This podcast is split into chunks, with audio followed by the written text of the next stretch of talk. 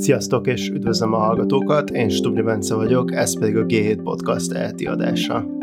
A G7 Podcast rendszeres hallgatói emlékezhetnek arra, hogy nagyjából egy hónappal ezelőtt egy könyvről, a Magyarország Globális Története című kötetről volt szó a podcastban.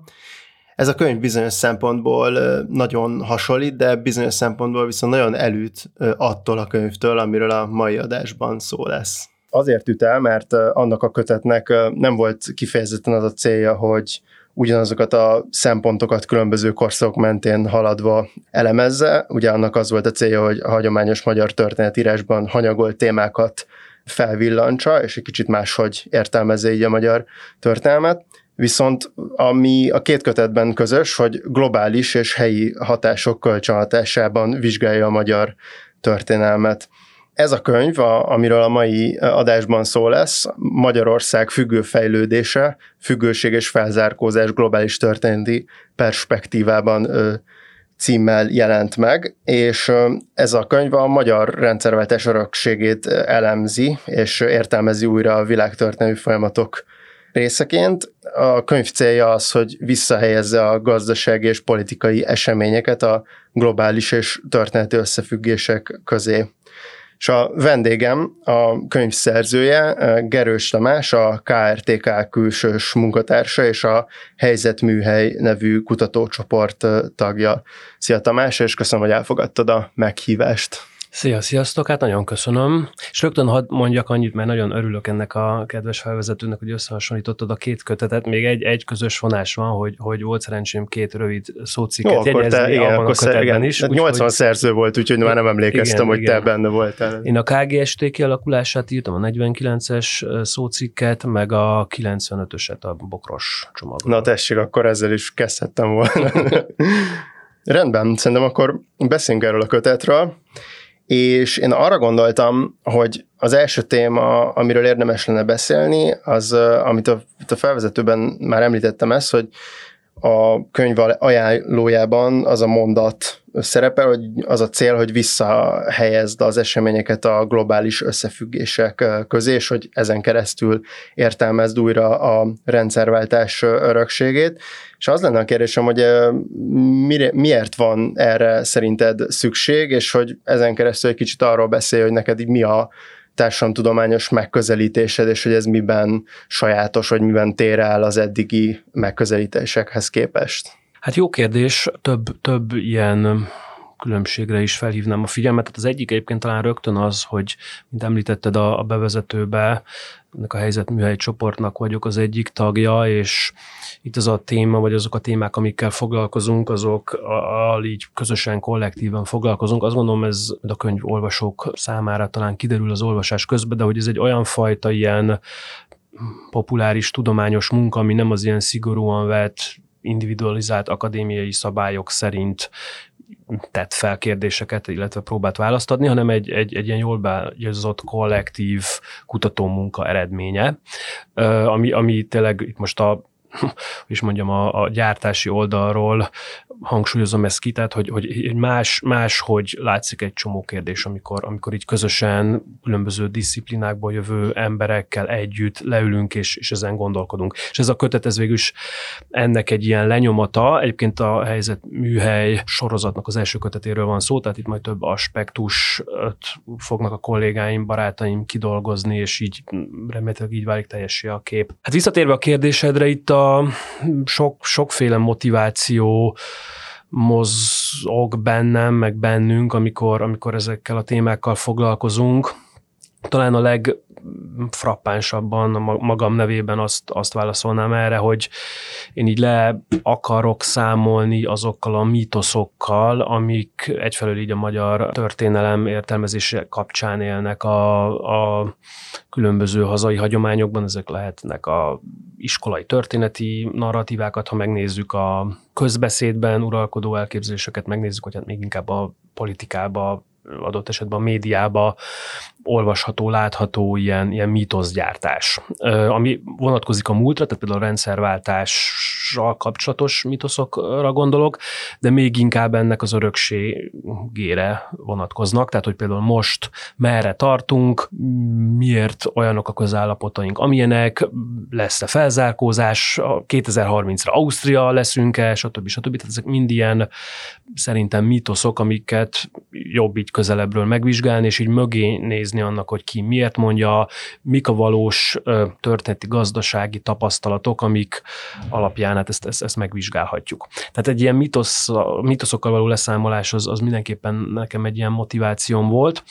és hogy ne csak így a levegőbe beszéljek, akkor most mondok egy konkrét példát, tehát ugye a rendszerváltással kapcsolatos egyik fő mítosz, hogy ugye ott kezdődött az újkori magyar történet nem, tehát hogy ott, hogy ott egy ilyen tiszta lappal indultunk, véget ért az államszocializmus, lezárult egy korszak, és akkor indult egy új korszak, és akkor abból lett valami. Egy ideig sokaknak úgy tűnt, hogy jól ment, aztán valamiért elromlott. Ugye most így leegyszerűsítem, de ez egy ilyen, ez egy ilyen általános narratíva. Most valójában, amit én ezzel a történeti globális elemzéssel próbáltam itt elvégezni, abban a rendszerváltás nem valaminek a kezdete, hanem sokkal inkább, hogy hát bizonyos szempontból valaminek a vége, vagy egy nagy történeti folyamatnak az átalakulása. Tehát mert egyszerűen arra rá akartam kérdezni, hogy honnan jött a rendszerváltás, mik voltak az, az előzmények, amik, amik ide elvezettek, és milyen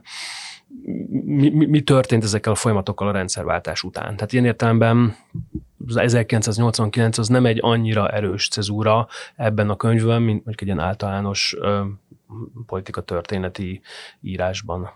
Jó, ebből majd akkor részletesen is bele megyünk a beszélgetés második felébe, ami kicsit egy ilyen történelmi korszakolásra fog alapulni, viszont ezelőtt még, még szeretnélek kérdezni az ilyen elméleti témákról, vagy, a, vagy tényleg arról, ahogyan te ezt az egész témát megközelíted, azt mondtad, hogy történeti, gazdasági, politikai és akár ilyen szociológiai szempontokat is használsz, tehát hogy ez egy ilyen holisztikus megközelítésnek tűnik. Egy kicsit arról mondj valamit, hogy, hogy ez pontosan hogy néz ki a kutatási folyamatban, vagy hogyan, mit, mit, milyen, milyen módszertan ez, amit te alkalmazol, amikor kutatsz. Igen, hát ez, ez, ez fontos, és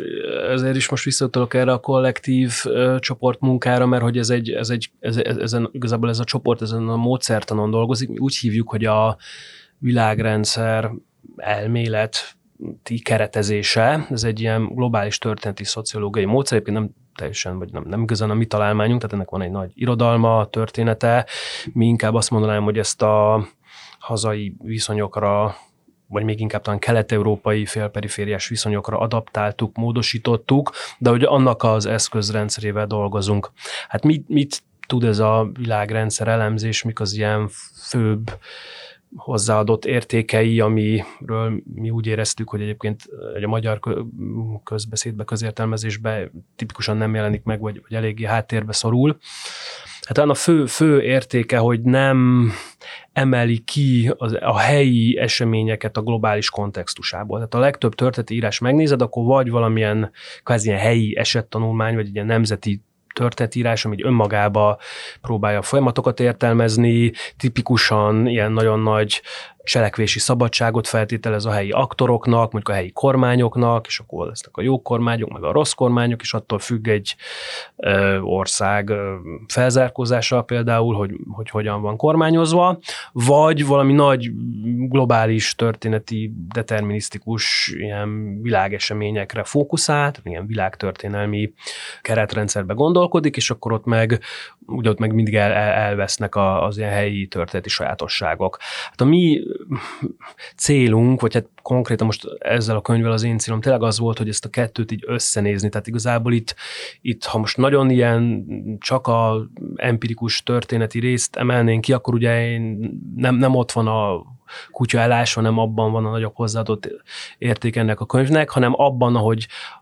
a relatíve ismert történeti folyamatokat egy ilyen másfajta összefüggés rendszerbe helyezi. Tehát megpróbálom a globális nemzetközi események részeként értelmezni a hazai eseményeket, és egyébként bizonyos szempontból ugye nem, ez nem egy ilyen egyirányú, föntről le, top-down folyamat, mint a történelem, hanem ugye mindig van egy visszacsatolás, tehát valóban azt is lehet nézni, hogy a, egyébként a helyi folyamatok is befolyásolhatják a nagyobb nemzetközi, vagy legalábbis regionális folyamatokat. Tehát ezek a külső-belső, itt a külső alatt most azért leginkább a világgazdasági folyamatokat, meg bizonyos szempontból geopolitikai folyamatokat kell érteni, ezek hogyan függnek össze a bizonyos szempontból jól ismert hazai, mondjuk rendszerváltás korabeli politika történeti eseményekkel. Mi a, mi a kapcsolat a kettő között, ezt, ezt próbáltam vizsgálni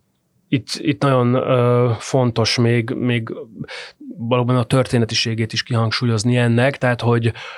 vagy hát a szociológiáját, tehát hogy ugye itt ezek nem ilyen egy-egy év, év, évre, vagy ilyen szűken határolt korszakra vonatkozó, tehát nem egy eseménytörténetről van szó, hanem inkább ilyen beágyazott nagy történeti folyamatok vizsgálatáról van szó. Egyébként azt gondolom, hogy ennek a könyvnek a történeti perspektívája még inkább szűkös eh, ahhoz képest, hogy egyébként én szeretem ezt nézni, vagy szeretem a kérdéseket föltenni, csak persze nyilván a nagyon nagy, tehát ilyen évszázadokon túlmutató folyamatok vizsgálata van már nehezebb ezeket az összefüggéseket olyan precízen összekapcsolni, meg hát az olvasók igényére is azért persze figyelnem kellett, tehát most nem, nem akartam a 16. századig visszamenni, de hogy egy ilyen, egy ilyen, egy ilyen rövid 20. századi keretbe nézem ezeket a, ezeket a hazai és nemzetközi folyamatokat, ahogy egy, egymást meghatározzák. Jó, beszéljünk egy kicsit azokról a, a kulcsfogalmakról, amik meghatározóak ebben a könyvben. Már itt az előbb említetted azt, hogy Magyarországra egy ilyen félperiférikus országként tekintesz. Szóval beszéljünk egy kicsit arról, hogy ez mit jelent, és hogy amit mondtál, hogy a, a belső meg a külső folyamatok összhangban vannak. Itt nyilvánvalóan lesznek különböző tényezők, amik ennek során fontosak onnantól kezdve, hogy egy adott időszakban a világgazdaságban mondjuk milyen termelési módszerek a, meghatározóak, és akkor ezen belül, hogyha azt nézzük, hogy Magyarországon milyen gazdasági iparágak dominálnak, ezen belül, e, e, vagy ehhez milyen érdekcsoportok társulnak, a politikai elit milyen kapcsolatban áll ezekkel az érdekcsoportokkal, tehát nagyon sok mindenről írsz a könyvben, amik, amiket szerintem egy kicsit érdemes összeszedni, hogy, hogy ezek a te megközelítésedben hogyan kapcsolódnak össze. Abszolút, szóval, szóval itt, itt nyilván van minden ilyen kutatásban, meg minden ilyen témában azért vannak ilyen leszúrások, hogy pontosan akkor mit is nézünk, mert nem, bár holiszt, ahogy te is mondtad, és egy ilyen holisztikus megközelítésre törekszem, de ugye nem azt jelenti, hogy mi, mi, mindent, mindent tudok nézni, tehát ez egy ilyen politikai gazdaságtani keretben íródott, tehát itt az alapvetően itt, itt elsősorban gazdasági folyamatokat nézek, és ezért a, a külső keretrendszer, amiben ö, ezek a történeti korszakok is megjelennek, változások, viszonyok megjelennek, azok alapvetően gazdasági viszonyokra és változásokra fog vonatkozni. Igen, a, a termelési rendszerekre, a termelésen belüli tulajdonviszonyokra, elosztási viszonyokra, vagy ahogy, ahogy ebben a hagyományban ezt, ezt mi hívjuk, és a könyvben is én ezt, ezt a fogalomrendszert próbálom használni, ez végül a nemzetközi munkamegosztás működésére és az azon belül való ö, ilyen szerkezeti változásokra vonatkozik egyfelől, és akkor Másfelől ott van, igen, egy, egy belső társadalmi viszonyrendszer, tehát a magyar társadalomnak a kapcsolata a nemzetközi munkamegosztásban zajló folyamatokkal, ahol ugye sok mindennel lehetne foglalkozni, kifejezetten politikatörténeten nem foglalkozom, hanem azokkal a főbb gazdasági erőcsoportokkal foglalkozom, amelyekről fel tételezhetjük, hogy, hogy részesei a világgazdasági folyamatoknak, vagy még inkább rajtuk keresztül integrálódik be a társadalom a, a világgazdaság, vagy a világrendszer egészébe. Ezeket itt úgy hívom, hogy, hogy különböző tőkés csoportok, nem véletlenül, mert hogy, mert hogy ugye a világgazdaság jelenlegi történeti fázisára azt hiszem azért tekinthetünk úgy, mint egy, mint egy tőkés világrendszernek egy meghatározott korszakára, tehát alapvetően ö, például tulajdonviszonyokra gondolunk, vagy nemzetközi kereskedelmi viszonyokra gondolunk, vagy ahogy te is említetted, a termelésnek az adott ö, struktúráira gondolunk, azok alapvetően a kapitalista szabályok szerint működnek. Egyébként majd nyilván itt később remélem kitérünk erre, de hogy itt az egyik ilyen érdekes mítosz vagy vita, amivel, amiben rögtön így, így beleálltam két lábbal, az ugye az államszocialista korszaknak az elhelyezés ezen a térképen. Tehát én azt próbáltam bizonyítani egyébként mindez, amit most elmondtam, tehát hogy ez a kapitalista, nemzetközi kapitalista viszonyok hogyan ö, szűrődnek be Kelet-Európába, vagy mi hogyan ágyazodunk ebbe az összefüggés rendszerbe, ez az államszocializmusra is igaz volt, tehát én értem az államszocializmus az nem egy független, külső nem kapitalista, hanem szocialista térben zajló ö, bürokratizált rendszer volt, mint, mint azt legnevesebb hazai közgazdászaink egyébként mondani szokták, most egyet hadd nevezzek meg, például Kornai János, hanem az egy kapitalista rendszer volt valójában, a nemzetközi munkamegosztásnak a részei voltunk, és azok szerint, a szabályok szerint kellett működni, bár nyilván egy csomó belső viszony az, az máshogy alakult, mint máshogy. Na mindegy, majd erről, erről beszélünk, csak itt, itt ez lesz a fontos, hogy akkor mik azok a belső viszonyok, mi ebben az állam szerepe, mi az állam és a tőkés csoportok, vagy a gazdasági érdekcsoportok közötti kapcsolat. Kicsit az is itt egy kérdés szokott lenni, sajnos ez most ilyen önkritikaként hagy dobjam be az én könyvembe, ez, ez, ez valamennyire elsiklott, de hogy mi a nem tulajdonosi osztályok, tehát a munkavállalók, munkások, vagy éppen munkanélküliek helyzete, viszonya egy, egy ilyen integrációba, tehát itt ezt, ezt az egész kérdést nem csak a tőke felől lehet nézni, és akkor ebben a Matrixban keresem a kapcsolatot. Na most még, még talán két dolgot, ami, amire majd, majd lehet, hogy visszatérünk, csak a kérdésedben szerintem ez fontos volt. Az egyik az, ugye itt ez a, a könyvnek a címe, tehát ez a függő viszonyokról van szó, tehát itt a függőségek, mint történeti örökség, függőpálya az, amit én vizsgálok. Lásd, hogy az államszocializmust sem egy független, hanem egy függő fejlődési rezsimként próbálok értelmezni. De ebben menjünk bele, hogy mit jelent ez, hogy függőség, mert ugye egy ilyen, egy ilyen holisztikus, globális világrendszer keretben ugye min, min, minden függ mindentől, tehát ez nem egy nagy truváj ezt állítani, ugye nincs a rendszeren kívüli független tényező, inkább az a kérdés, hogy milyen típusú függőségek vannak, ezek hogyan változnak meg, hogyan lehet, mit jelent például a felzárkózás, az ugye nem, a, nem egy függetlenedés jelent, csak a függőségi viszonyok átalakítását jelenti. Tehát mit jelent ez a függőség? Igazából ez, ez, ez, ez itt egy ilyen kérdés, amivel a könyvben azt hiszem részletesen foglalkozom, meg, meg, meg állításokat próbálok tenni. A másik pedig ennek végülis a, a történeti valósága, tehát a félperifériás függőség, ami ugye egy olyan sajátos viszonyrendszert jelent, amiben hát azt mondanám, hogy, hogy, hogy nem egy felzárkózó pálya, hanem egy ilyen félperifériás csapdának is szokták hívni a, a heterodox közgazdászok. Tehát a kérdés az, hogy mit jelent ez a, ez a félperiféria, hát ez nagyon-nagyon sokféleképpen lehet értelmezni gazdaságilag, szociológiailag, kulturálisan, társadalmilag. Én itt, itt egy meghatározott módon fogom értelmezni. Talán két ilyen, ilyen szempont mentén, vagy két ilyen szempontot emelnék ki, ami az egész ilyen gazdasági vizsgálatomnak a lényeges eleme. Az egyik a, az a tőkés csoportok viszonyában ragadható meg, tehát egy, egy kicsit ilyen tulajdonkérdésként fogható fel, és itt, itt a félperifériát úgy értelmezem, az egy olyan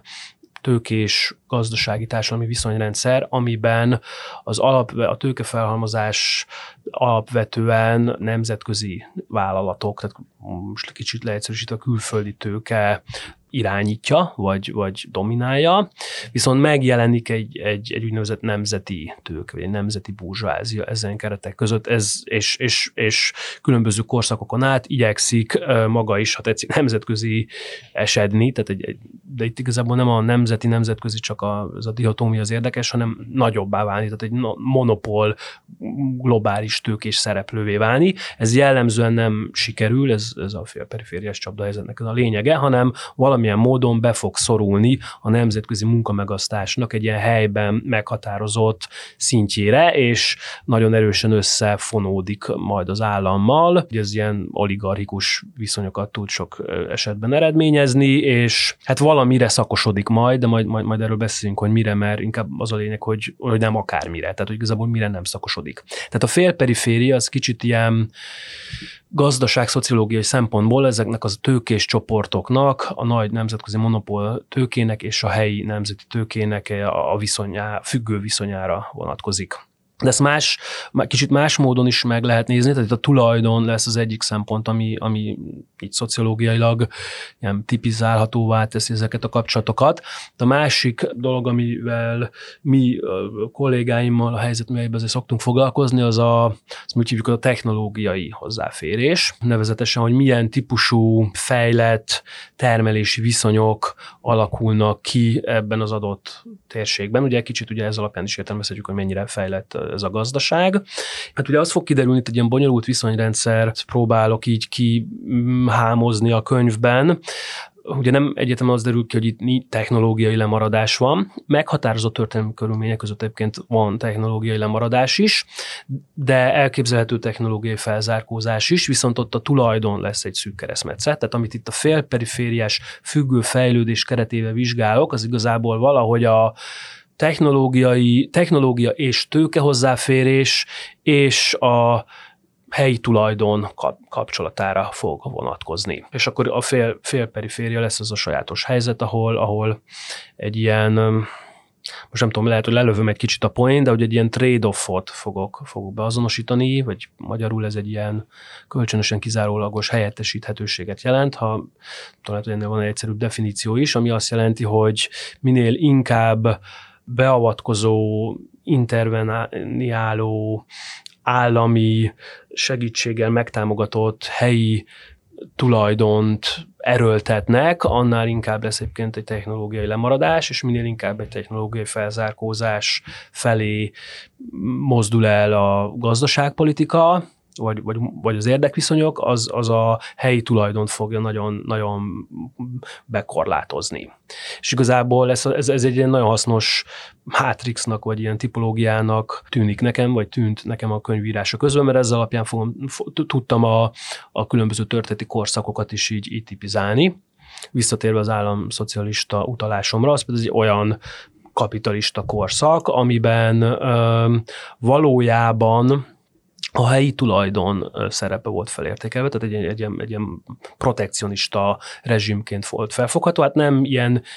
direkt nyíltan magántulajdonként jelent meg, hanem ugye egy állami monopól tulajdonként, ez most ebből a szempontból mindegy.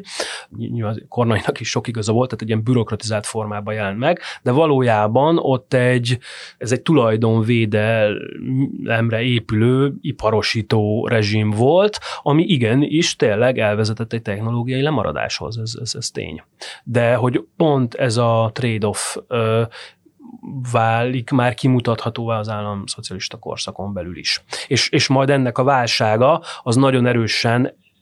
megjelenik ezekben a kérdésekben, tehát a tulajdon kérdésébe egészen explicit módon jelenik meg, ha valaki ezzel a történeti témával foglalkozik, vagy, vagy, vagy esetleg emlékszik a késő 70-es évek, 80-as évek nagy nem is csak gazdasági vitáira, hanem ilyen, ilyen társadalom politikai közvitáira, akkor ott a, a tulajdonreform kérdés az egy nyílt téma volt a, az államszocializmusban, hogy a tulajdonreformon keresztül próbálták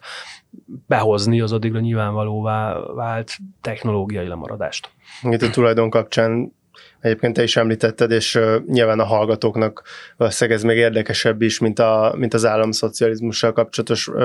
megállapítások. Tehát nyilván 2010 óta itt egy, egy teljesen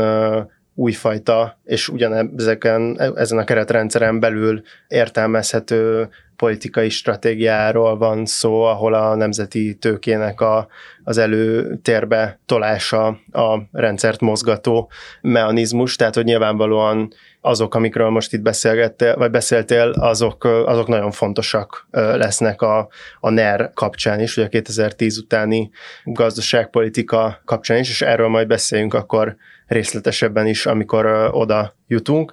Viszont akkor szerintem kezdjünk azzal, amiről, ami, amiről most már itt egy kicsit elkezdtél belemenni, amikor azt mondtad, hogy, a, hogy az államszocialista korszakban már elkezdtek meghatározóvá válni ezek a nemzetközi kapcsolatok, hogy a, nemzet, a nemzetközi végülis ilyen kapitalista világrendszerbe elkezdett betagozódni az ország, és hogy nekem itt annyi hozzáfűzés jutott azért eszembe, hogy azért így ez a, az 50-es, 60-as években, tehát hogy amit mondta, hogy ez nem volt igaz, tehát volt egy időszak, amikor azért ez még igaz volt, csak a legérdekesebb része nyilván a te könyvednek az az, hogy hogyan kezdett ez fokozatosan átalakulni, tehát hogyan történt meg a nyitás, és hogy hogyan kezdtek ilyen kvázi kapitalista szempontoktól is függeni itt a helyi viszonyok Magyarországon. Úgyhogy szerintem akkor ez egy kicsit bontsuk ki, hogy mit értesz pontosan ez, mert nyilván most, hogyha ezt valaki meghallja, hogy nem tudom, az államszocializmus kapitalista volt, hát ez nagyon nehezen összerakható, de szerintem, hogyha ezt egy kicsit így körüljárjuk, akkor ez egy kicsit egyértelműbbé válik. Igen, hát mondjuk, mondjuk, mondjuk azért rögtön hadd had, had, nyissam azzal a poénnal, tehát hogy, hogy az, aki kézletémmel foglalkozik, ott az egy nagyon nagy vita, tehát hogy úgy az államkapitalizmus versus államszocializmus vita, tehát hogy hova rakjuk ezt az egész ilyen szocialista, szovjet fejlődési modellt így a világtörténelemben, ez az egy elég nyitott kérdés, és én itt beállok egy meghatározott oldalról ebből a vitába, ezt nyilván, nyilván sokak máshogy látják, meg vitatják, de hogy ez egy ilyen Na itt lesz érdekes az, hogy milyen szempontok alapján is nézzük az összefüggéseket, és most tényleg így nem említettem a kornai nevét, meg általában a hazai közgazdasági hagyomány az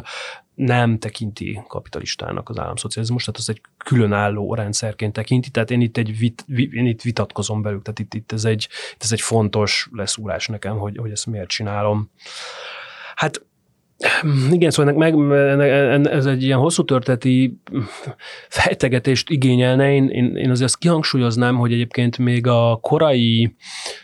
államszocialista berendezkedés, tehát a rákosi rendszerig visszamehetünk, az is alapvetően értelmezhető tőkés logika mentén. És tényleg az lesz a kérdés, amit te is itt bedobtál, hogy ez aztán hogyan, milyen külső-belső erők hatására kezdett el átalakulni, transformálódni egészen odáig, amit, amit, amit rendszerváltásnak hívunk. Most, hogy, hogy, hogy mi, mi volt ez a korai rákosista, államszocialista, de egyben ilyen tőkés felhalmozási rezsim, ezt, ezt ugye úgy, úgy hívnám, hogy egy ilyen import helyettesítő iparosítás volt. Tehát ugye arra az a talán nem, nem, nem sokan vitatkoznak, hogy ugye egy ilyen erőltetett nehéz iparosítási korszaka volt ez Magyarországnak, szinte mindenféle mm, megelőző hagyomány nélkül, ja, azért volt ipari hagyomány Magyarországon is, de nehézipari kevés, és hát annyiban nem volt ez explicit kapitalista, hogy ugye ezt nem nemzetközi hitelből finanszírozták, nem nemzetközi beruházók, bár végül szovjet, alapvetően az a szovjet befektetések, a szovjet technológia szerepeit fontos volt, tehát ilyen értemben volt egy ilyen típusú függőség is. Gondolom, akikkel te vitatkozol, azok erre azt mondják, hogy nem magántulajdonban volt a tőke. Igen, igen, tehát a, a, az, ala, az államszocializmus, mint, szociali, mint ön, önmagában vett szocialista rezsim évnek a, a, a központi állítás az, az, az a tulajdonra vonatkozik, tehát hogy itt egy bürokratizált tulajdonforma volt, és mégis maga kollektívizált tulajdon volt, tehát ahol nem jelenik meg explicite a magántulajdon, azt nem lehet kapitalizmusnak nevezni. Egyébként majd erről is beszélünk, mert ugye az én könyvemnek ez a része, tehát ami a rendszerváltás előtti részével foglalkozik, az egyébként kifejezetten a tulajdonnal foglalkozik, és kifejezetten azt próbálom nézni, hogy ha nem is kodifikált, explicit, kikristályosodott formában, hanem úgymond megbújva a bürokratikus játékszabályok között implicite, de valójában ott volt a, a, a tulajdon, sőt kifejezetten a magántulajdonnak egy ilyen sajátos bürokratizált formája, meg ilyen sajátos irányítási viszonyok közé rejtett formája, és igazából az egész transformáció, amire itt az előbb utaltam, az valójában a magántulajdon megjelenésének ilyen hosszú, fokozatos történeteként értelmezhető, és ez is mondtam azt, hogy a 89-es rendszerváltás az nem valaminek a kezdete, hanem valaminek a vége, ugyanis akkorra, ak- akkorra fejeződik be ez a kikristályosodási folyamat, amikor úgy kvázi elkezdik tényleg a különböző törvényeken keresztül, meg talán a korai privatizációs folyamaton keresztül magát a magántulajdont, illetve a magántulajdonon keresztül a tulajdonosi viszonyokat rögzíteni, vagy, vagy, vagy tényleg így jogilag is kodifikálni. Itt ezt csak azért hangsúlyozom ki, mert szerintem vitatható empirikusan is az, amivel érvelni szoktak a a szocializmus, mint önmagába vett rendszer mellett érvelő közgazdászok. Mondom, hogy nem volt magántulajdon, de volt magántulajdon, csak nem, nem olyan játékszabályok között működött, mint, mint nyugaton. Egyébként előre utalhatunk, ugye ez egy ilyen érdekes kritika a mai rendszerrel szemben is, hogy nem teljesen olyan szabályok között működik a magántulajdon, mint, mint nyugaton. Tehát ez egy, ez, ez, ez egy ez egy, ez egy nagyon fontos kérdés lesz. Ez, ezért fontos az államszocializmus, egyébként ha rég volt, igen, valakit nem érdekel a történelem, akkor nem akar vele foglalkozni. Most én nem ezért mondom, hogy ezzel kell foglalkozni, mert hogy önmagában történetileg érdekes, hanem ez a logika érdekes, ami, amit megjelenik, és ami azóta is az alapvető meghatározó logikája itt a tulajdonosi ö, csoportok közötti viszonynak az értelmezésében. Tehát ilyen értelemben a, a jelenünk az, az tényleg ide visszavezet. Na, visszatérve egy kicsit azért a történeti részletet, ez az import helyettesítő iparosításnak volt egy ilyen sajátos nyilván sok szempontból radikális verziója, hozzátenném a legtöbb importhelyettesítő iparosítást a globális félperiférián végezték ebben a korszakban. Nem szocialista országok, sok esetben szélső jobboldali katonai diktatúrák, mondjuk Latin Amerikában. Tehát nagyon hasonló rezsimeket fogunk látni, ahol a, a közös vonás az tényleg ez a félperifériás függőség és a tő, tőke-tőke kapcsolatban lesz hasonló. Abba, hogy szocialista vagy nem szocialista, abba ugye teljesen vegyes. Én ezt egy illusztrációnak látom arra nézve, hogy itt nem, nem, nem az az érdekes, hogy mi volt a zászlóra írva, hanem hogy milyen fejlesztési rezsim volt. Most a rákosi rendszer az vagy ezeknek a korai államszocialista importi helyettesítő iparosításoknak a sajátossága azért az volt, hogy ugye ezt, ezt nem tudták külső for, vagy nagyon-nagyon limitált mértékben tudták külső fel, forrás bevonásra alapozni, ez leginkább a Szovjetunió lehetett, de nem volt abban az állapotban a Szovjetunió, hogy ilyen nagy befektetéseket végezzen, tehát ezt egy belső kizsigerelésből hajtották végre. Magyarország esetében a meghatározott történeti örökségek miatt ez ugye nagyon kiélezte úgymond az ipar és az agrárium közötti konfliktust vagy kapcsolatot, tehát nagyjából az agrárium kárára lehetett iparosítani. Ugye nem véletlenül a 60-as évekre egy lényegben felszámolják a parasztságot Magyarországon, agrár proletarizáció zajlik le. Egyébként megint egy teljesen kapitalista folyamat, tehát ugye gyakorlatilag a parasztság az a maga nemében egy kis birtokos, tulajdonos, tehát mert valamilyen viszonya volt a földhöz, ezt ugye államosítják, és ilyen bér-munka viszony közé szorítják az embereket, tehát ez tetszik egy ilyen eredeti tőkefelhalmozásként is értelmezhető, de ez annyira radikális volt, hogy hát politikailag fenntarthatatlanná vált. És ezért a poszt-rákosi rendszer, meg a Kádár rendszert, ezt úgy, én úgy értelmezem, hogy egy, egy ilyen új kiegyezés, vagy valamilyen formájú kiegyezés történik az ilyen meghatározó gazdasági erőközpontok között, tehát ez leginkább az agrár és az ipari erőközpontokat jelenti, illetve majd nagyon fontos szerepe lesz a külföldnek, a külföldi tőkének is, ö, és ö, hát létrejön egy olyan, ez most a belső vetület ennek a modellnek, egy olyan, vagyis a kádári kompromisszum, ami egyszerre próbálja fenntartani az iparosítást, de ezt nem az agrárium kárára próbálja tenni, hanem igazából az agráriumba is megpróbál beruházni. Ennek megvan az oka, mert, mert az agrárium az, az, ami igazából exportképes Magyarországon, és, és megfelelő mennyiségű devizát, jövedelmet tud termelni, amire ugye rászorult ez a rezsim, tehát igazából rájöttek arra, hogy nem érdemes a aranytojástoljó tyúkat levágni, hanem, hanem igazából azt, azt fejleszteni kell. És akkor az volt a kérdés, hogy ezt a kettőt együtt hogy lehet, ez a kompromisszum hogy tartható fenn, hogy lehet úgy iparosítani, ami nagyon forrásigényes, hogy nem a másiktól veszük el a forrás, hanem igazából azt is fejlesztjük, mert az valójában történetileg az az, ami ö, képes kitermelni a, a, szükséges, szükséges pénzt ahhoz, hogy, hogy, hogy ez a modernizáló, fejlesztő, iparosító modell fenntarthatóvá váljon. És akkor itt jön be a külső viszony, tehát a külső kapcsolata ennek a rendszernek, hogy, hogy rászorul a, a, a külföldi tőkére, a külföldi beruházásokra, rász, igazából rászorul a külkereskedelemre, tehát fontos, hogy az agrárium vagy bármilyen nyersanyag utánpótlást lehessen exportálni, ebből, ebből megfelelő mennyiségű deviza legyen, azt vissza lehessen forgatni egyébként az iparba, és egy olyan iparfejlesztés lehessen végezni, hogy az ipar is egy idő után ki tudja termelni a, a, a saját beruházási költségeit. És akkor két, két szempont, ami, ami fontos lesz, és, és mostan az államszocializmusról nagyjából lehet, hogy ennyit is érdemes tudnunk ebben a keretrendszerben. Az egyik, hogy, hogy, hogy, hogy hogy hogy is viszonyul itt ez a külső-belső kapcsolat, tehát hogy milyen olyan külkereskedelmi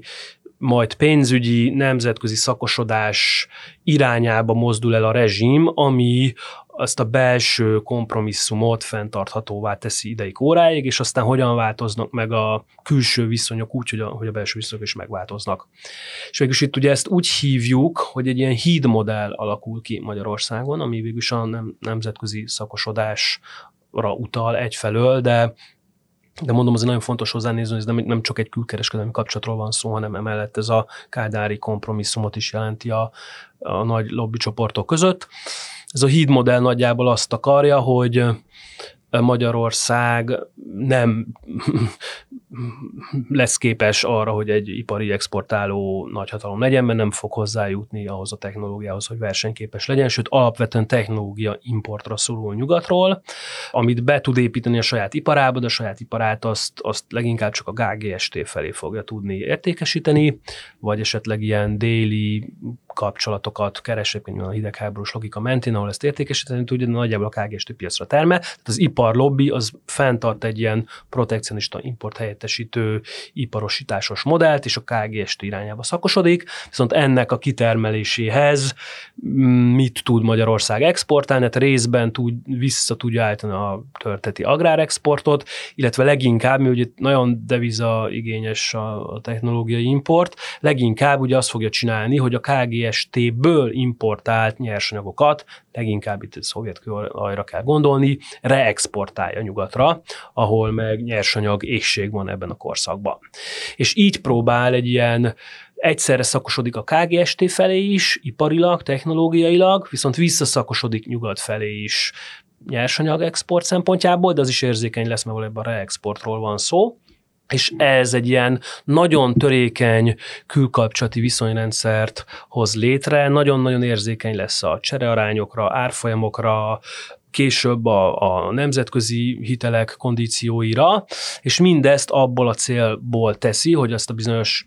egyébként politikai, tehát a kádári politikai kompromisszumot az agráris iparlobbi között fenntartsa. Ez az alapmodell, ez a hídmodell, és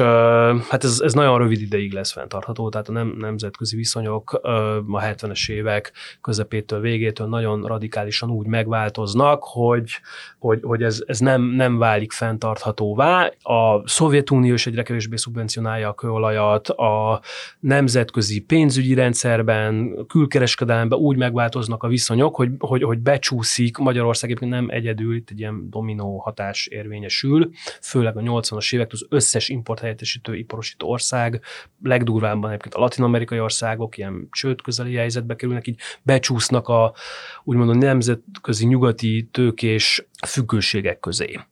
És ez meg fogja változtatni a belső erőviszonyokat is. Itt lesz az, hogy el, eltolódik a politikai, nagyon kiéleződik a politikai verseny, egy ilyen politikai húzavona lesz, a Kádárnak kell fontosan ezt kell majd menedzselnie, de végül is a, a külső nyitás, pártolók, elsősorban hogy a korabeli ilyen, ilyen monetarista reform közgazdászokra kell gondolni, aki ezeknek a szószólói, de mögöttük a,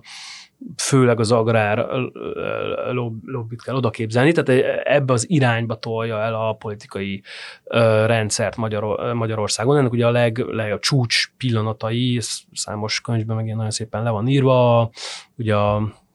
MNB Fekete János tárgyalásai az IMF-fel, és hogy onnantól kezdve indul be ez a reform folyamat Magyarországon, ami elvezet a rendszerváltáshoz. És ennek, ennek az egyik fő tétje az lesz, hogy, hogy a magántulajdont be, be fogják hozni. Egyébként elég korán, tehát a magántulajdon nem 89-ben jelenik meg Magyarországon, hanem ilyen számos furi módon, ilyen-olyan törvények közé elrejtve, azt mondanám, hogy a 80-as évek legelejétől megjelenik. Olyannyira, hogy a kül- külföldi magántulajdonosok is megjelennek a magyar gazdaságban. Viszont aztán a mondjuk a rendszerváltást, meg akár már itt a 80-as évektől elkezdődő magánosítási folyamatokat, gondolom, hogy már a 68-as új gazdasági mechanizmus is meghatározza, hiszen ott autonómiát kapnak, vagy hát ugye ez, ez volt az elképzelés, hogy autonómiát kapnak a, a, az állami vállalatok, akkor itt kialakulnak ilyen menedzsmentek, amik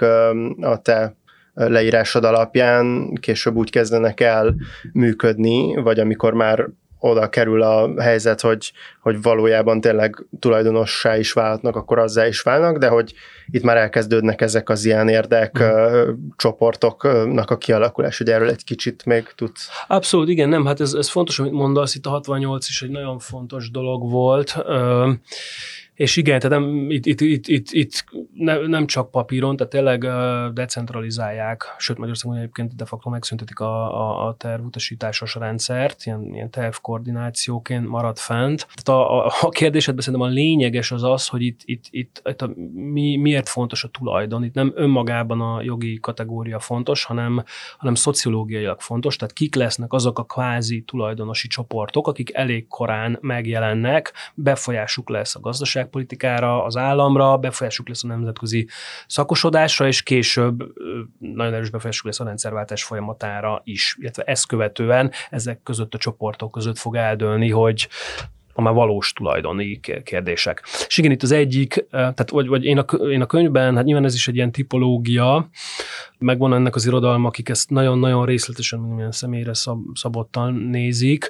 de hogy nálam, hogy kik, kik ezek a csoportok, akik így elég korán, hát így 68-tól fölfelé, de főleg az ilyen, főleg majd az ilyen 80-as évek reform folyamatában lesznek láthatóvá, akiket ilyen kvázi tulajdonosi csoportokként értelmezek, és itt igen, az egyik fő csoport az a, az a vállalati menedzsment, tehát azok a nagy vállalatoknak a irányítói, akik hát olyan szinten kapnak autonómiát, hogy, hogy a vállalatot kvázi tulajdonként tudják kezelni, illetve majd, amikor oda, oda kerül a folyamat, spontán privatizáció idején, akkor, akkor, akkor ki is privatizálják maguknak, tehát ott gyakorlatilag át tudják váltani, ki tudják mazsolázni a szükséges tulajdont, és ott tudják adni a adósságot termelő koncot az állam alatt. Tehát ott, ott a kikristályosodási folyamatban nagyon kulcs szereplők lesznek. Emellett nyilván van egy ilyen másik, ilyen elég vegyes felvágott csoport, ezeket ilyen kis vállalkozóknak hívhatnánk, akiket ö, enged a, a, a, az államszocialista rendszer, a Kádár, ez a bizonyos Kádár rendszer Magyarországon. Ez egy másik nagyon érdekes kérdés, hogy ezeket miért engedi, megjelenni, tehát gondolok itt a agráriumban a háztájizásra, mint egy vállalkozási formára, az összes ilyen VGMK, GMK, gebinezés, tehát az ilyen helyi kis szolgáltató szektorban, vagy a gyárak, a TSZ-ek köré szakosodott mm, kistermelő szektorba engedi, nem, nem csak a magántulajdon, mint ház, ház tulajdon, ingatlan tulajdonlás, nem termelő eszközök tulajdonlását. Na mindegy, szóval ők lesznek egy csoport, tehát ezek, ezeket ilyen, ilyen, ilyen kis vállalkozóknak tekinthetjük, és, és röviden, egyébként, vagy ez egy sematikus, nagyon rövid válasz lesz a általán feltett kérdés, hogy miért enged, tehát egy válság miatt engedte, tehát hogy ebben a reform folyamatban történik meg az, hogy már IMF hiteltől függ Magyarország. Ugye igazából bevezetnek megszorításokat Magyarországon folyamatosan 1979-től kezdve, kisebb-nagyobb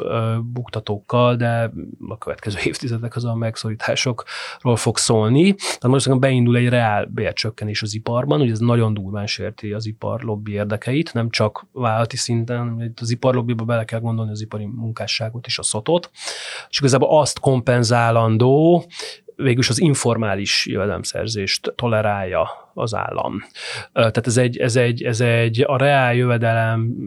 csökkenését kompenzálandó tényező, tehát egy válság, egy válság kezelés részeként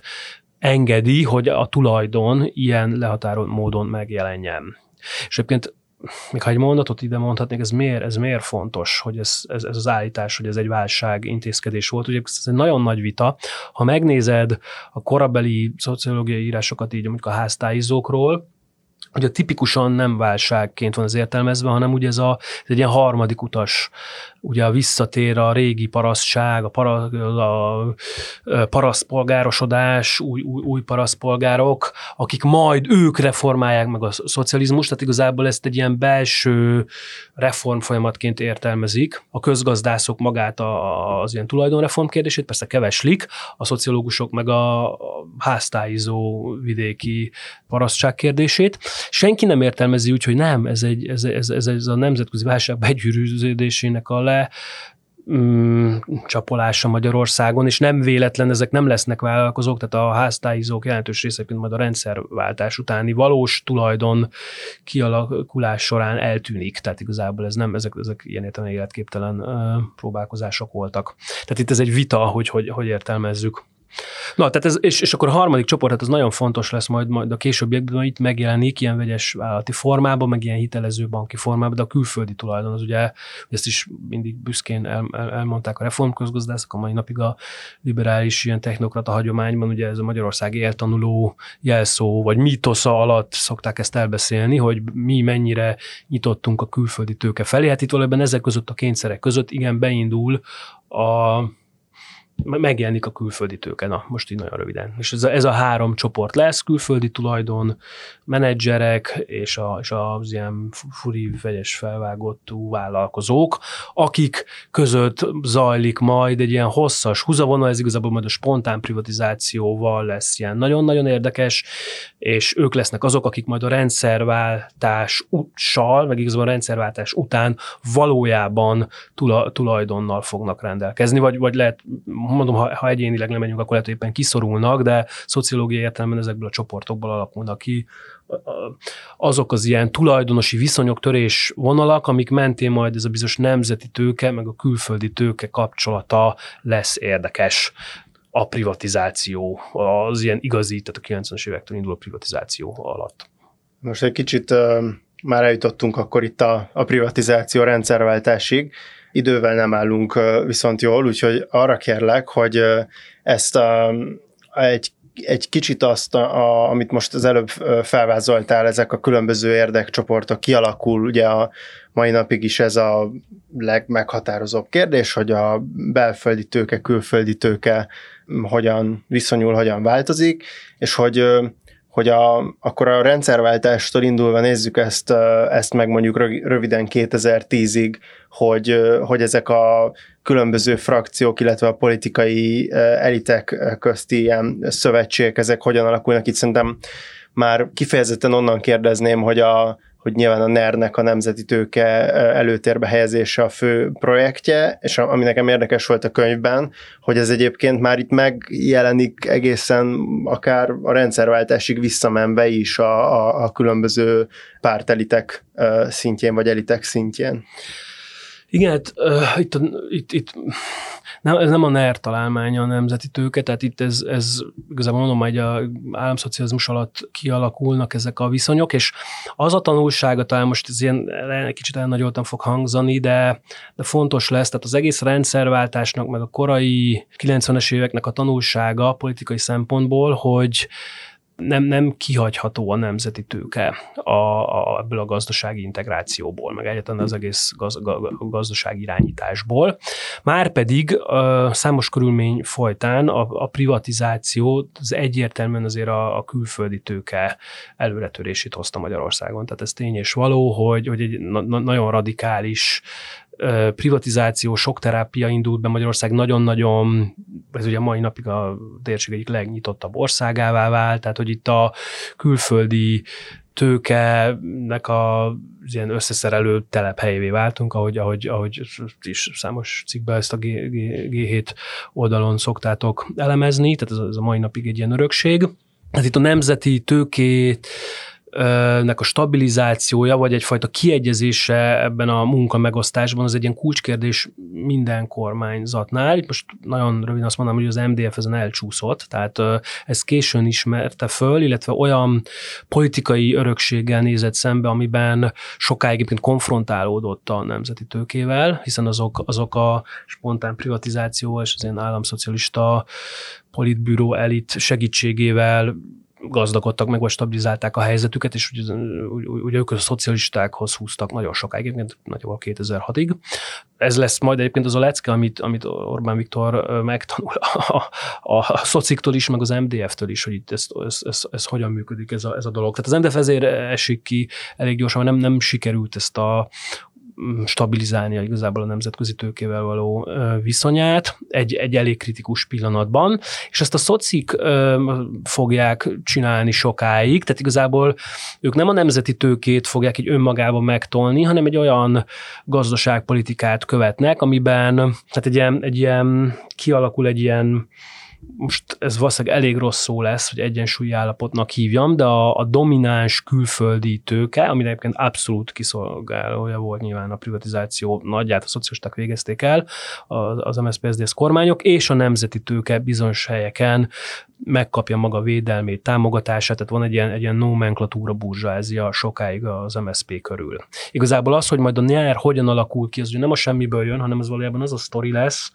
ezt, ezt mások mondták el részletesebben, meg szebben, mint én, hogy itt Sering Gáborra hadd hivatkozzak. Tehát, hogy hogyan válik le, majd hogyan morzsolódik le ez a bizonyos nemzeti burzsázia a szocialisták, hogy hogyan jutnak a szocialisták egy olyan válságba, gazdasági válságba, nemzetközi válságba, min keresztül igazából megszakad a kapcsolat a, a nemzetőke és a szocik között, és nagyon becsúsznak a szocik is a nem, nemzetközi, vagy IMF alá és akkor lesz majd egy ilyen átállás. Tehát igazából a, a NER, en belül a Fidesz azt fogja csinálni, hogy újra szervezi ezeket a tőkés kapcsolatokat, újra behozza, kihasználja egyébként a válság adta lehetőséget számos területen, hogy előnyhöz jutassa a nemzeti tőkét. Ez bizonyos pontokon a nemzetközi vállalatok kárára teszi, de ez, ez elég szelektívan zajlik. Valójában a nemzetközi tőke is nagyon jól járt a,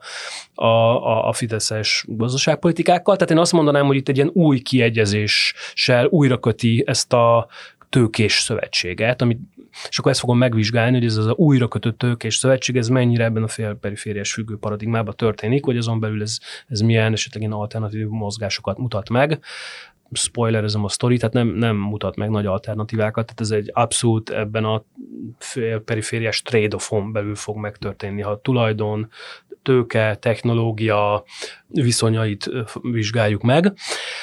Tehát igazából ez a sztori. Tehát igazából a nemzeti tők és a nemzetközi tőkek kapcsolatának az állandó fenntartása, újra termelés egy ilyen nagyon függő hierarchikus viszonyrendszerben, ettől beszélünk, emiatt beszélünk félperifériás függőségekről. Ez az, ami keresztül húzódik, és ez egy, ez egy konfliktusos, meg ez egy ilyen robbanékony dolog, tehát válságok idején ö, alakul ez át nagyon. Hm, hogyha itt ö, jól értem, amit ö amit mondasz, hogy, hogyha, és visszaidézem azt, amit a könyvből olvastam, tehát hogy egy kicsit ez a nemzeti és nemzetközi tőkének a preferálás, itt ilyen útfüggőségek voltak a rendszerváltás után, hogy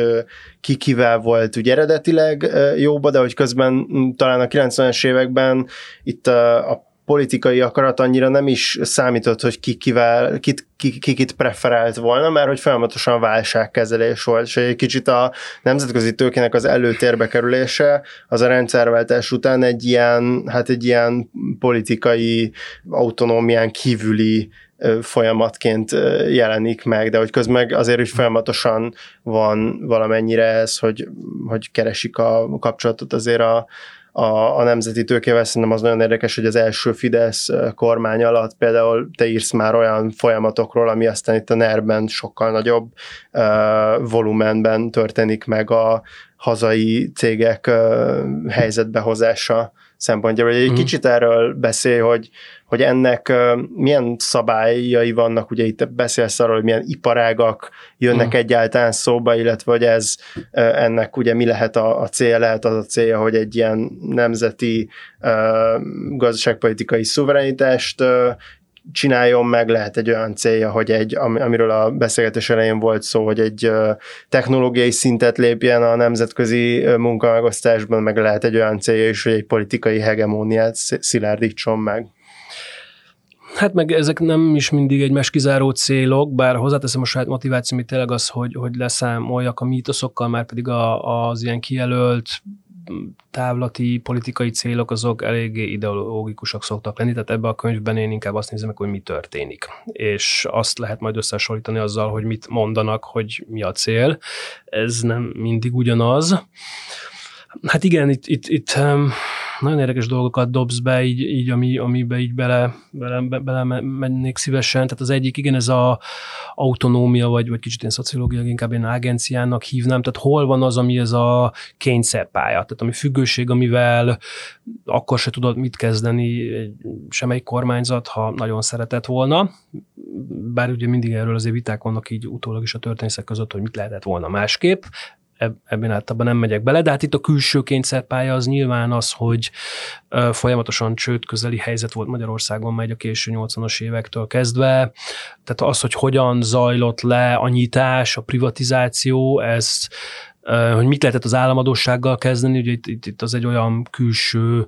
kényszer, ami, ahol, ahol nem volt mozgástér. Legalábbis vagy én inkább úgy mondanám, az a pontosabb, hogy a egész teljes magyar politikai elit között volt egy konszenzus ezzel kapcsolatban, hogy ez, ezt így, ezt vissza kell időbe, ez, ez, ez nem lehet hozzányúlni, tehát nem lehet csődöt mondani, és innentől ez, ez egy, ez egy kényszerpályává vált. Hogy miért alakult ki egy ilyen típusú politikai konszenzus, meg kik voltak azok, akik ezt nem osztották, vagy a mai napig ugye, néha föl fölmerül ez a kérdés, hogy mit kellene az államadósággal kezdeni, ez egy, azzal nem foglalkozom itt. Ami az agencia, az igen, hogy akkor innentől kezdve ez egy meghatározott folyamat lesz, meghatározza a nemzeti tőke mozgásterét, és ebben mit tud az állam csinálni? Tehát mi, milyen, mi, mi, mi elszámolja magát, én kicsit azt mondom, hogy valószínűleg az MDF kormány itt, itt sok dolgot elkalkulálta a zavarosban. Nyilván mm, utólag persze mindig könnyű okosnak lenni, de meg megvolt az okuk a, a, arra, hogy miért, miért nem támogatták igazából a nemzeti tőkét, mondom féltek, mert, mert a, a szocikhoz voltak bekötve, még ugye itt a menedzserek, ezért fontos, hogy ezek, ezek államszocialista vállalati menedzserek voltak, Nav jau briest. Az első Fidesz kormány értelmezhetjük úgy, mint igen, a későbbi NER kibontakozás, csak akkor még nem sikerült, nem voltak, a külső feltételek nem voltak adottak, ezek a, a meghatározó gazdasági erőcsoportok még mindig be voltak kötve a szocikhoz, tehát akárhogy próbálkozott a Fidesz, nem tudta őket leválasztani, nem a Fidesz, nem, nem a párton, vagy nem egy kormányon múlott ennek a leválasztása, hanem, hanem, a, hanem ennek a nemzetközi válságnak az elmélyülése fog majd egy olyan környezetet teremteni, amiben így hát fenntarthatatlanná válik a politikai kapcsolata a szocialista, liberális politikai elit és általuk képviselt gazdaságpolitika, valamint a fontos hazai, hazai gazdasági csoportok között. Tehát igazából szétbomlott, a, a Fidesz ott egy ilyen vákumba lépett bele. Másik dolog, amit, de, de, de, de hogy ott volt, tehát itt van agenciája, tehát itt igazából ez nem egy ilyen determinizált történet, hanem hogy ez hogy esik szét, és aztán hogyan kötik újra, milyen típusú munkamegosztás alakul ki belül is, abban nagyon komoly, komoly agenciája van egy-egy kormányzatnak, tehát itt azt kihangsúlyoznám, hogy ez nem egy ilyen, nem egy top-down determinisztikus történet, itt sokféle út van. Az kérdés, hogy persze ezek hosszú távon hazavezetnek. Hát az, hogy miért, és akkor itt jön be az a hipotézisem, amit most itt valószínűleg arra nem lesz időnk, hogy részletesen kifejtsek, meg ez egy empirikus kérdés, de, de ajánlom az olvasóknak a könyvet, ami ennek a hipotézisnek a kifejtéséről szól, tehát hogy miért ragad a félperifériás csapda helyzetben a NER végül is, ez, ez a, vagy hát ugye az az állításom, hogy abba ragad, tehát az alapvető paradigmát, ami itt a tulajdon és a nemzetközi szakosodásba történő hát felzárkózás, vagy feljebb lépés, vagy technológiai és tőke hozzáférés szempontjából releváns lenne. Tehát ezt a dilemmát a kettő között nem fogja tudni felülírni, azon a módon, ahogy újra köti a szövetséget a nagyobb nemzetközi és hazai tőkés csoportok között. Bár minden gazdaságpolitikai törekvése erre irányul. És ezért, amiben ez kimerül, ni látszik, egyébként abban hatékony és sikeres, és hát a körbenézünk, ezt láthatjuk is, hogy igazából egy helyi hegemon hatalmi rendszert fog tudni konszolidálni, tehát a nemzeti tőkét nagyon erősen beköti az államba, nagyon erős kölcsönös függőségi viszonyt fog létrehozni a, a politikai rezsim és a helyi tőke között, illetve ez még szélesebb lesz, itt a könyvben egyáltalán nem megyek bele, hogy hogyan működik egy politikai hegemónia építés, itt azért nem csak, itt jön be az, hogy ez nem csak egy tőke-tőke kapcsolat, hanem itt nagyon sok más osztályviszonyok, meg ideológia, meg kultúra, meg minden belejátszik, hogy a munkaerőt hogy kapcsolják ebbe bele a középoszt osztályosítás, hogy zajlik, stb. stb. Ebbe itt a könyvbe egyáltalán nem megyek bele. Tehát itt a tőke viszonyok stabilizációja egy politikai konszolidációt fog eredményezni, viszont a fél perifériás viszonyok ezen keresztül újra termelődnek. Szóval itt ennek, ennek a tanulság, amit én majd akkor a könyvbe ajánlom az olvasóknak, hogy ezt a részleteit megnézzék, az az, hogy olyan típusú ilyen iparpolitikát fog a NER egyébként szuper konzekvensen követni, ami egyszerre támogatja a nagy külföldi vállalatokat az egyébként meghatározó technológiai és tőkeigényes exportágazatokban, külkereskedelembe vihető termékekről van itt szó, hát ugye itt a most címszavakban járműipar, általában feldolgozóipar kiemelt, amíg a nemzeti tőkét pedig bestabilizálja az ilyen monopól belföldi szolgáltató szektorokba és infrastruktúrákba. Itt a legkiemelkedőbb talán az építőipar, de millió más távközlés, kiskereskedelem, média és a bankszektor, ami kicsit a kettő között én ezt egy ilyen külön ágazatként kezelem, de az is inkább a belföldi monopól szolgáltatókhoz húz közelebb. Tehát ebben a rendszerben fogja tudni egyföl ezt a politikai konszolidációt előidézni, és egy olyan szerkezeti munkamegosztást, amiben Hát most tényleg a könyvbe próbálom ezt bizonyítani, ez a félperifériás dilemma így újra megjelenik. És akkor erre egy kísérlet az, ugye, amiről beszéltünk, hogy a, az értékláncokon belüli felfele elmozdulás az a, a nemzeti tulajdon előre tolásával el, elképzelhető-e? Te ezzel kapcsolatban szkeptikus vagy, de ezt a könyvben kifejted, amit egyébként ajánlok a hallgatóknak is, hogy mindenképpen olvassák el már csak azért is, mert nagyon sok érdekes részletről van benne szó, amiről mi most nem beszéltünk. Gerős Tamás volt a G7 Podcast teheti vendége, köszönöm neked a beszélgetést. Hát én is nagyon köszönöm. A hallgatóknak pedig köszönöm, hogy itt voltak velünk, iratkozzatok fel ránk ott, ahol a podcastokat hallgatjátok, és hogyha tehetitek, akkor támogassatok minket úgy, mint hogyha előfizetnétek a lapra a g7.hu per támogatás oldalon. Én Stubnya Bence a G7 újságírója vagyok, a G7 Podcastot hallottátok.